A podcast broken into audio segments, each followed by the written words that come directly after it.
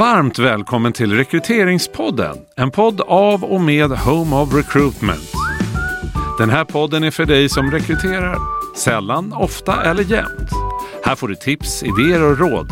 Allt för mer rättvisa och träffsäkra rekryteringar. Hej och välkommen till eh, Rekryteringspodden. Idag är det jag som sitter här, Anki Stavefelt, och jag har med mig en gäst. Och jag är så glad att du är här idag, Maria. Tack. Och eh, ja, jag tänker så här, du kan väl presentera dig själv? Ja, det ska jag göra. Eh, jag heter Maria Hansson. Och eh, jag jobbar som rekryteringspartner för närvarande som konsult på Afree. Precis, Ett spännande. stort ingenjörsbolag. Och jag har jobbat med rekrytering sedan 2015, tror jag att det är någonstans. Eh, och nu är jag ju uthyrd som konsult via Home of Recruitment. Precis. Så kan du inte berätta, för Afree är ju stort som sagt. Och du befinner dig på en av divisionerna i ett jättestort, eh, som en del av ett jättestort rekryteringsteam. Ja, precis. Eh, Vi är, vi är uppdelade som så i, i, i olika team eh, beroende på vilken division man, man jobbar emot. Så. Sen kan man vara, jobba tillsammans med en annan partner eller så kan man jobba enskilt och så jobbar man då mot olika områden. Så. Och jag är, jobbar inom Energy, eller den division som kallas för Energy som ensam rekryteringspartner. Så jag ansvarar för hela det området. Och det täcker jag av allt inom energisidan. Och hur många anställda är det ungefär inom det? Ja, eh, jag vågar inte säga den, den siffran. Med risk för att det blir fel Med såklart. risk för att det blir fel. Men det är några hundra. Ja. Eller fler. Ja. Så, eh, totalt är vi ju på Afree 17 000 anställda Ja, det är Mm. eh, globalt. Så att det, är, det, det är rätt många. Och eh, energidivisionen är inte den största. Så du rekryterar konsulter, kan man säga, till stor ja, del? precis. Eh, fastanställda konsulter Ja. till, till Afree som går ut i sina uppdrag då, Exakt. för våra kunder. Mm. Och då har vi ju kontexten, tänker jag. Precis. Ja, och självklart så finns det jättemycket att prata om vad gäller rekrytering hos er. Men det vi ska fokusera på idag är ju då rekrytering för det här som ni brukar kalla då för introduktionsprogrammet. Ja, konsultslussen. Och det här är ett sätt då för Afree och för Energy då framförallt att attrahera nyutexaminerade ingenjörer, om jag förstår det hela rätt. Ja, precis. Och det här in, är ju inom ett område inom Energy. Och då, då finns det egentligen det området eh, inom elkraft kan man säga, men som är uppdelade inom eh, fyra olika områden. Då. Så, så då vi har till exempel transmission, vi har substation, vi har distribution och så har vi HVDC. Det är komplext. Det är komplext. Hur som helst, kan du berätta, hur många anställer ni och hur länge har det här pågått? Ja, det har pågått väldigt långt tillbaka i tiden sen, sen det var OF och, och Pöyry då. De här bolagen har ju gått tillsammans och idag kallas vi ju för Afree. Ehm, och idag så pågår det här, eller så har det ju alltid varit, programmet har pågått, eller det pågår i 20 veckor. Eh, som de här kandidaterna som blir anställda då får, får gå det här programmet i 20 veckor. Och syftet är ju att introducera de här eh, nyutexaminerade personerna in i det här eh, arbetet. Så att man sen kan flyga vidare som konsult inom våra olika projekt på Afree. Och hur många brukar ni anställa ungefär? Per, för det är en gång per år som ni gör det här. Ja, varje vår tar man Ja. tag i det här och börjar rekryt- påbörjar rekryteringen till det här programmet. Och det brukar ligga runt 15-16 personer som man anställer över hela Sverige. Och tanken är ju att alla, alla anställs ju samtidigt så att det ska bli en gemenskap och som en enda klass. Och så ser man till att eller alla går samma program med föreläsningar och allt vad det nu må hända var. Så. Och så träffas man, eh, också så att man får veta vilka, vilka man har i sin klass, sina klasskamrater. Eh, och sen så blir det ju såklart, en- avrundar man så blir det en avslutning på själva programmet. Och eh, därefter så är man ju ja, men tills vidare anställd eh, på Afree. Och det, när vi pratade om det här inför den här inspelningen så sa du att utmaningarna... Den största utmaningen är inte att attrahera, även fast att det såklart också blir svårare, som för alla andra. Ja. Utan eh, det var när du kom in och började jobba där, så såg du lite andra utmaningar i rekryteringen av de här personerna. Kan du berätta? Ja, dels hade vi ju ett helt annat systemverktyg för, för själva rekryteringen då. Mm. Som vi ju nu har bytt ut i årsskiftet. Men med det verktyget när jag kom in så var det väldigt svårt att hantera den mängden av kandidater som vi fick in. Vi pratar hundratals ansökningar. Det fanns heller ingen process för urvalen. Utan vad, vad, man gjorde var ju att läsa CV och personligt brev. Och tänkte då, att, det vet ju du också, 200 kandidater ish någonstans. Och så ska man då Göra ett rimligt urval. Och de flesta är ungefär likadana. Alla, sin... alla har samma bakgrund i princip. Aha. Det är klart att det skiljer sig något, men bakgrunden rent liksom utbildningsmässigt och en nyutexaminerad kandidat har inte hunnit arbeta någonting i princip. Och så blir det ju att man väljer mer på känsla istället för mm. att titta på potential. Mm. Så att utmaningen här var att få till det här, att faktiskt eh, göra ett bra och rättvist urval som inte handlar om känsla. Precis. Eh, och uh, hur får man till det då på ett bra sätt när det är 200 kandidater som är väldigt lika? Ja. Och, och säkerställa, som jag förstår det, också mång, därmed, alltså det blir indirekt såklart att säkerställa mångfald och ja. att det blir just det här rättvisa, inkluderande urvalet. För det är ju väldigt viktigt för Afrem då, har jag förstått. Ja, att, oh ja, det är ju, ja. Det är ju otroligt viktigt. Och vi pratar ju om det dagligen, eller vi får ju höra om det dagligen. Och det är ju jätte, jättebra. Det är, men många gånger så, man pratar om det, men, men det är ju svårt att applicera in det i allt man gör som man, som man borde göra. Och det, man jobbar ju för det, men det tar ju tid att få allt det här på plats. Det tror jag många kan känna igen sig i. Ja, mm. eh, verkligen. Just det här vi pratar om det, men vad gör vi då mm. för att få det att hända? Och du ska ju liksom, du ska lära inte bara organisationen att jobba efter, efter olika processer för att komma till en mångfald, eh, utan du ska ju också lära dina kunder. I det här fallet, vi är ett konsultbolag. Så vi måste ju ta ett ansvar för våra kunder också, hur de agerar när det mm. kommer till mångfald. Att de tar emot Precis. de här personerna som ju ni vet är bra, ja. så att säga, och kan göra jobbet på ett bra sätt. Och, och då har man mm. kommit olika långt i det här, och då blir det en, bara där en jätteutmaning. Eh, mm. Till exempel med språk. Just det. Så. så kan du berätta, hur... Eh, för då lämnade ni ju den här processen, att, eh, som var då, som jag förstår är ganska traditionell. Det vill säga, man tog in CV personligt brev, fast att man egentligen faktiskt ville rekrytera på potential utifrån vissa förutsättningar, det vill säga en viss utbildning. Ja. Och resten var potential egentligen. Ja, ja. precis. Kan du berätta, hur tänkte du när du kom in här och såg den här processen? Ja, men vad jag gjorde, eftersom jag satte igång den processen då, alltså förra året, med de förutsättningar som jag hade, alltså systemstödet mm. som fanns, så försökte jag göra vad jag kunde. Och det, det, jag slog ju knut på mig själv i mångt och mycket, men jag gjorde vad jag kunde för att kandidatupplevelsen skulle bli bra framför allt. Och sen så satte jag in eh, tester också för att i viss mån kunna mäta på potential. Mm. Alltså inte fokusera på ett CV personligt brev, utan försöka få bort det ur urvalet. Ja, istället. för att hjälpa cheferna att göra, det lite, att göra det lite lättare för dem att göra ett urval. Mm.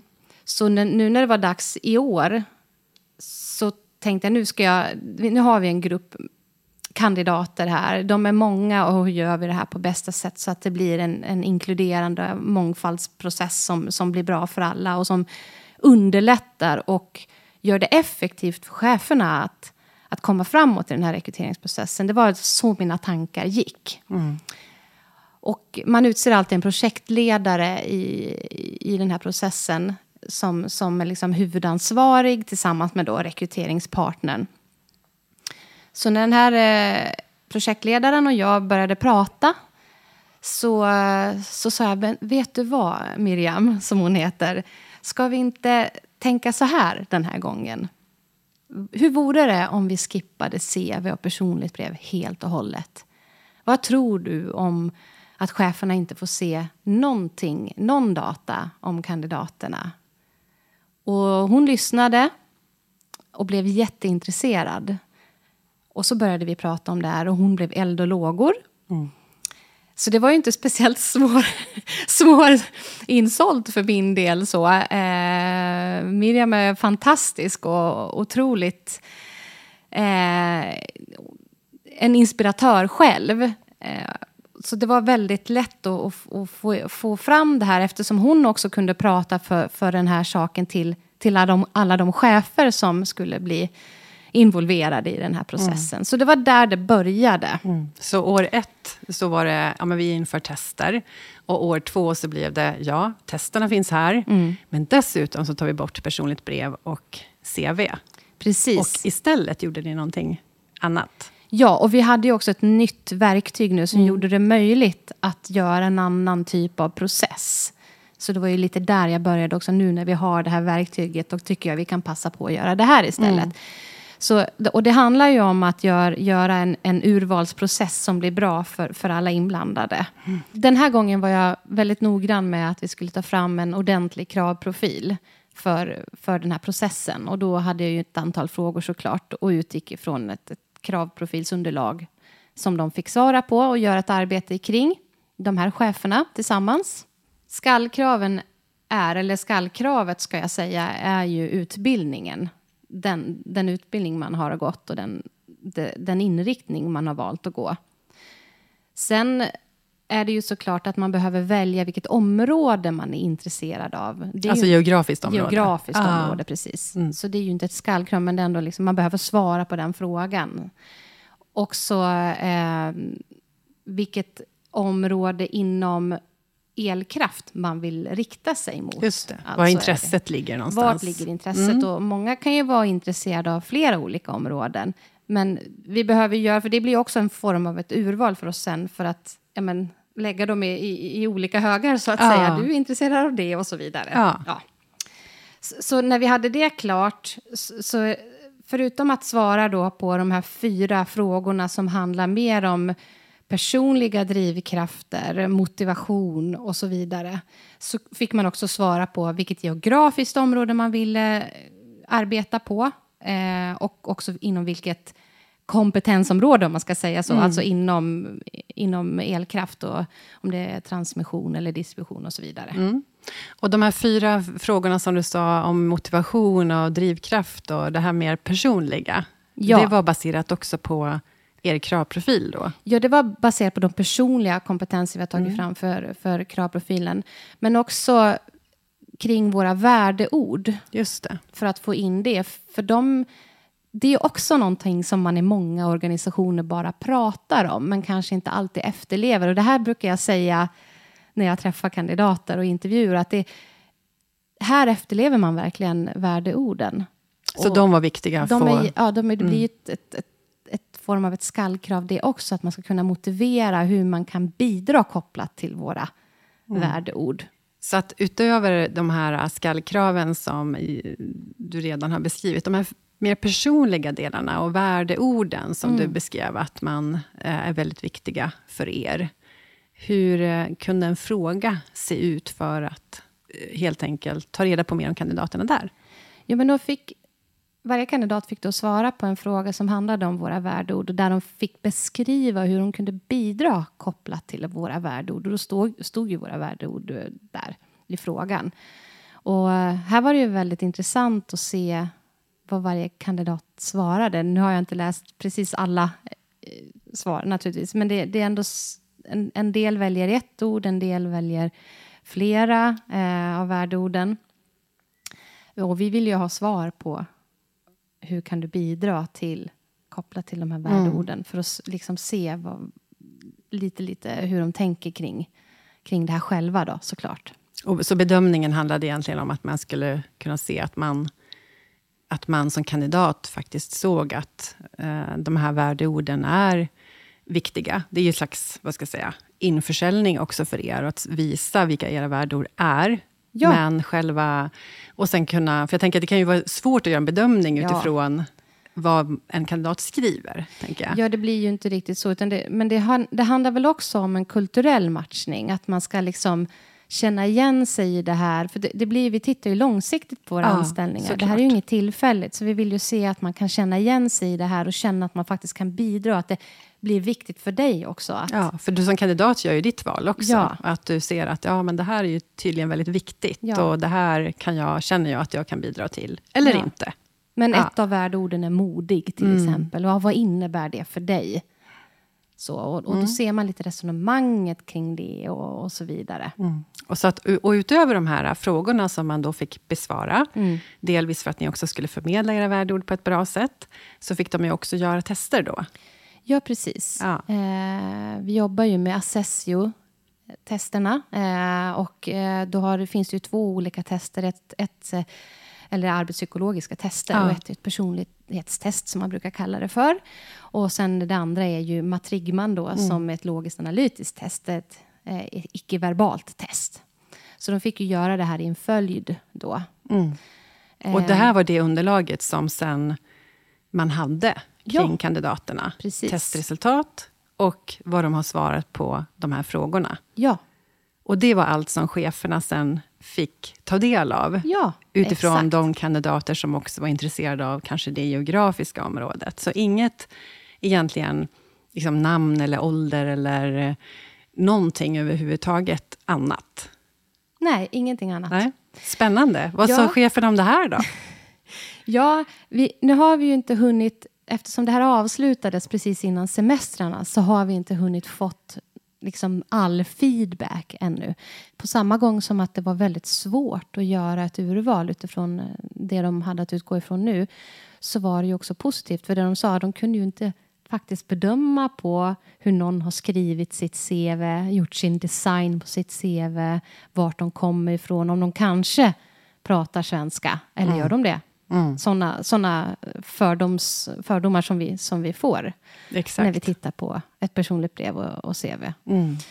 Så, och, och, och, och inte etnicitet och, och, vidare, och så vidare heller. Utan vad jag gjorde var att lyfta ur all den här informationen i ett Excel-ark. Ja, så den, det som de skulle bedöma fick de i Precis. ett Excel-ark. Mm. För, för att vi kunde inte... Hade, hade jag byggt olika processer i det här verktyget som vi jobbar med på AFRY, rekryteringsverktyget, så hade de fått tillgång till alla CVs ändå. Eftersom, Ja, för det gick inte att liksom ta bort Nej. CVs ut i, i systemet helt och hållet. Nej, Även det- fast ni sa att vi, behöv, vi vill inte ha CV, så Nej. skickar många ändå. De skickar den då det kommer Allihopa, med på typ. automatik Ja. i dagens det här moderna målbaserade systemen. Ja. Så söker du via LinkedIn så kommer profilen med i alla Just fall. det, så alla hade sina profiler med, men det fick inte chefen ta del av i första urvalet. Så att Nej. säga. Så att chefen fick alltså i uppgift då att okej, utifrån testresultaten, och det matchar på det här viset gentemot kravprofilen, och utifrån urvalsfrågorna, så ska du, kära chef, välja ut vilka vill du intervjua? Ja, Och när de sen kom till intervjusituationen, så hade de ju en del verktyg. Dels intervjuguide, misstänker jag, som Ja. Var lik, lika för alla kandidater då förstås. ja, precis. Jag tog ju fram en, en, en specifik intervjuguide som de skulle eh, hålla, hålla sig till Ja. då för att, för att kunna göra ett urval. Om de nu inte, för de väljer ju upp till tio kandidater eller mer många gånger. Som ska de ska intervjua. som de ska Mm. intervjua.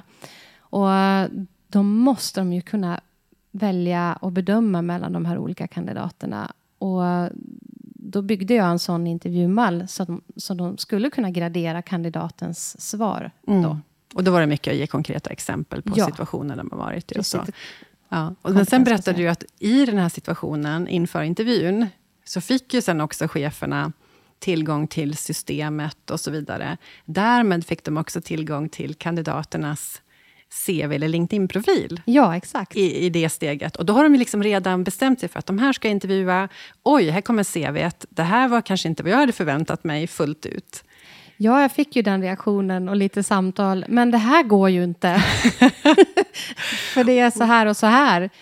Och då så sa vi det, jag och, och, och Miriam, att ja, men nu, det är liksom det som är grejen. Nu har du valt... På gjort- rätt förutsättningar, ja, på rätt på grund. Rätt förutsättningar och nu kan vi inte backa. ja. Eh, utan här, varsågod och intervjua. Mm. Så att eh, hade man haft med den här informationen i det tidigare steget, mm. då hade ju vissa av de här kandidaterna som faktiskt blev valda till intervju, inte blivit valda. Ja, och det är ju en feedback som jag har fått direkt också, mm. att de har ju anställt personer, inte bara till det här introduktionsprogrammet, utan också som, till vanliga konsultroller. Som därför de annars hade valt bort? Ja, för därför att det söker ju en del personer som har arbetslivserfarenhet, mm. som kanske inte platsar just i det här programmet. Och då vill vi ju inte, bara för att det är den här processen, det, då har man tagit tillvara på de kandidaterna för att de har åkt med i det här urvalet. Då. Mm. Men man har ju naturligtvis också i huvudsak anställt till introduktionsprogrammet. Ja. Men, men det, var, det, är ändå intressant att höra att jag hade aldrig tänkt på att anställa den här kandidaten. Nej. Och, även, och det behöver inte vara bara att man kanske inte egentligen platsar i introduktionsprogrammet på grund av att man har ett visst antal års Nej. erfarenhet, utan snarare, det var inte den förväntade bakgrunden för övrigt. De har Nej. rätt utbildning, men CVt ser inte ut som jag tänkte mig. ja, men bakgrund, ja. eh, också språk. Ja. Eh, så att det... Att man inte pratar svenska flytande, ja, till exempel. Exakt. Ja. Och det Vilket har är funkat ett krav. Ja. ja. Och hur har det funkat då? Jo, men det, har, det har funkat väldigt bra. Alltså, de har ju gjort sina urval, och, men jag ser ju, om man nu ska titta på namn, att det känns som att det är en mycket större mångfald bland ja. namnen än vad ja. det har varit föregående år. Därför att tidigare kanske man har valt bort någon omedvetet för att man tänker att nej, men den här kanske inte pratar flytande svenska. Precis. Och det har inte liksom varit med i spelet alls den här gången. Nej. nej. Utan det har varit, jag tror på många sätt och vis, en mycket större mångfald i mångt mm. mycket. Både ålder, bakgrund, alltså etnicitet ja. och så vidare. Ja. Vad roligt. Ja. Och vad, eh, nu, som sagt, är ju den här processen nyligen klar. Mm. Eh, men eh, vad kan du säga är kontentan? Du var inne på det. Alltså det är en större mångfald, uppenbarligen, i de ni har anställt, på olika sätt. Ja, och sen är det ju det här med kandidatupplevelsen. Ja. Att man som kandidat får, eller förstår, var är jag nu i processen? Vad är det som händer sen? Det var jag ju supernoggrann med i, i föregående process också. Var det något jag fokuserade på då, så var det ju det. För att försöka liksom få kandidaten, hålla dem varma under processen, som vi brukar säga. Gör, informera, informera, mm. informera. Så. Men tror du kandidaterna upplevde, alltså var det tydligt för dem att urvalet sker på, skedde på det här viset? Alltså att de förstod att det här var, fokus var verkligen att försöka göra så ett rättvist och bra urval som möjligt. Jag hoppas det.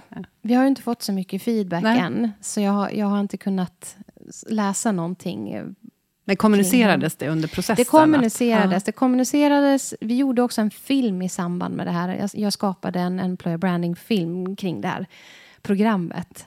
Eh, och då, just för att pusha för att nu gör vi det här. Vi, vi bryr oss inte om ditt CV och hur du skriver ditt personligt brev. Vi vill veta vem du är. Mm. Det var det som du var liksom poängen gentemot, eller budskapet ja. gentemot kandidaterna när de ja, sökte. Mm. Precis. Och, så, så, vi pushade ju tillsammans med den här filmen och gjorde det tydligt att det, är det här vi gör den här gången, det är också banbrytande för Afrey att gå in i en sån här process. De har aldrig någonsin gjort någon sån här grej tidigare. Och det har ju fått en, en ganska stor uppmärksamhet i organisationen. Där jag har fått, har fått svara på frågor uh, och, och hållit i, i globala möten om, om det här eh, den här processen. Och det är ju mm. superroligt. De är så otroligt engagerade och intresserade av att faktiskt anamma framtiden som vi har inom rekrytering. Mm. Så det känns ju så här stort för mig. Mm, eh, roligt. Verkligen. Ja, och jag tänker också att det verkligen eh, är ju modigt också av chefer och liksom ledning att, säkerställa, att, att testa. Ja. Eh, och jag tänker också att eh, förhoppningsvis kanske det här ger ringen på vattnet och att man ser att det här funkade ju jättebra, uppenbarligen. Ja, och att, att det är ju som sagt, det här är ju en start. Det finns ju många saker man kan jobba vidare med. För det här var ju första gången man, man, man gjorde en sån här process. För jag tänker ju, ja, nu, det var en, en, en bra målgrupp att jobba med eftersom det är juniora, eller, ja, juniorkompetens. Mm och många ansökanden. Men jag tänker ju, jag vill ju ta det ett steg längre där man faktiskt jobbar med det här i samtliga processer. Mm. Men det kräver ju, som jag sa lite tidigare, att, att man får med sig kunderna också. Att förstå det här med språk och, och så vidare. Mm. Att eh, alla kanske inte måste prata ren svenska. Mm. Det kanske blir nästa, nästa steg då. Ja, Mm. exakt. Men du, om du har något tips då till eh, de som lyssnar och kanske känner att men det här vill vi också eh, applicera hos oss. Mm. Vi vill jobba mer liksom, anonymt och vi vill jobba utan CV och personligt brev och vi vill säkerställa mångfald. Vad, vad, hur ska man tänka? Hur ska man börja? Eller liksom tips? Och vad har du lärt dig på vägen? Ja, jag tror att man, beroende på organisation naturligtvis, och vad det är för stakeholders man har, eh, så får man, man, men man ska alltid tänka till kring ja, men vad är syftet, vad, vad vill jag göra och, och i vilka steg ska jag ta det här? Tänker jag. Ehm, Alltså kanske börja med en sak först. Ja, och precis. Inte, mm. Eh, Så, att man, så att man känner lite av. För det beror ju som sagt på hur, hur, hur, hur det ser ut i organisationen och vad, vilka möjligheter, vad är det för system man har och så vidare. Mm. Men börja med någon, göra någonting som gör skillnad. Man kanske inte kan göra, vända upp och ner på processen i steg ett, fullt ut. Nej, Mm. men, men en, ett tips det är ju, som jag alltid säger när man jobbar mot eh, sina stakeholders i en organisation, alltså ledning och chefer. Det är jätteviktigt att titta på vad, vad kostar en rekryteringsprocess egentligen? Mm. Har man det klart för sig?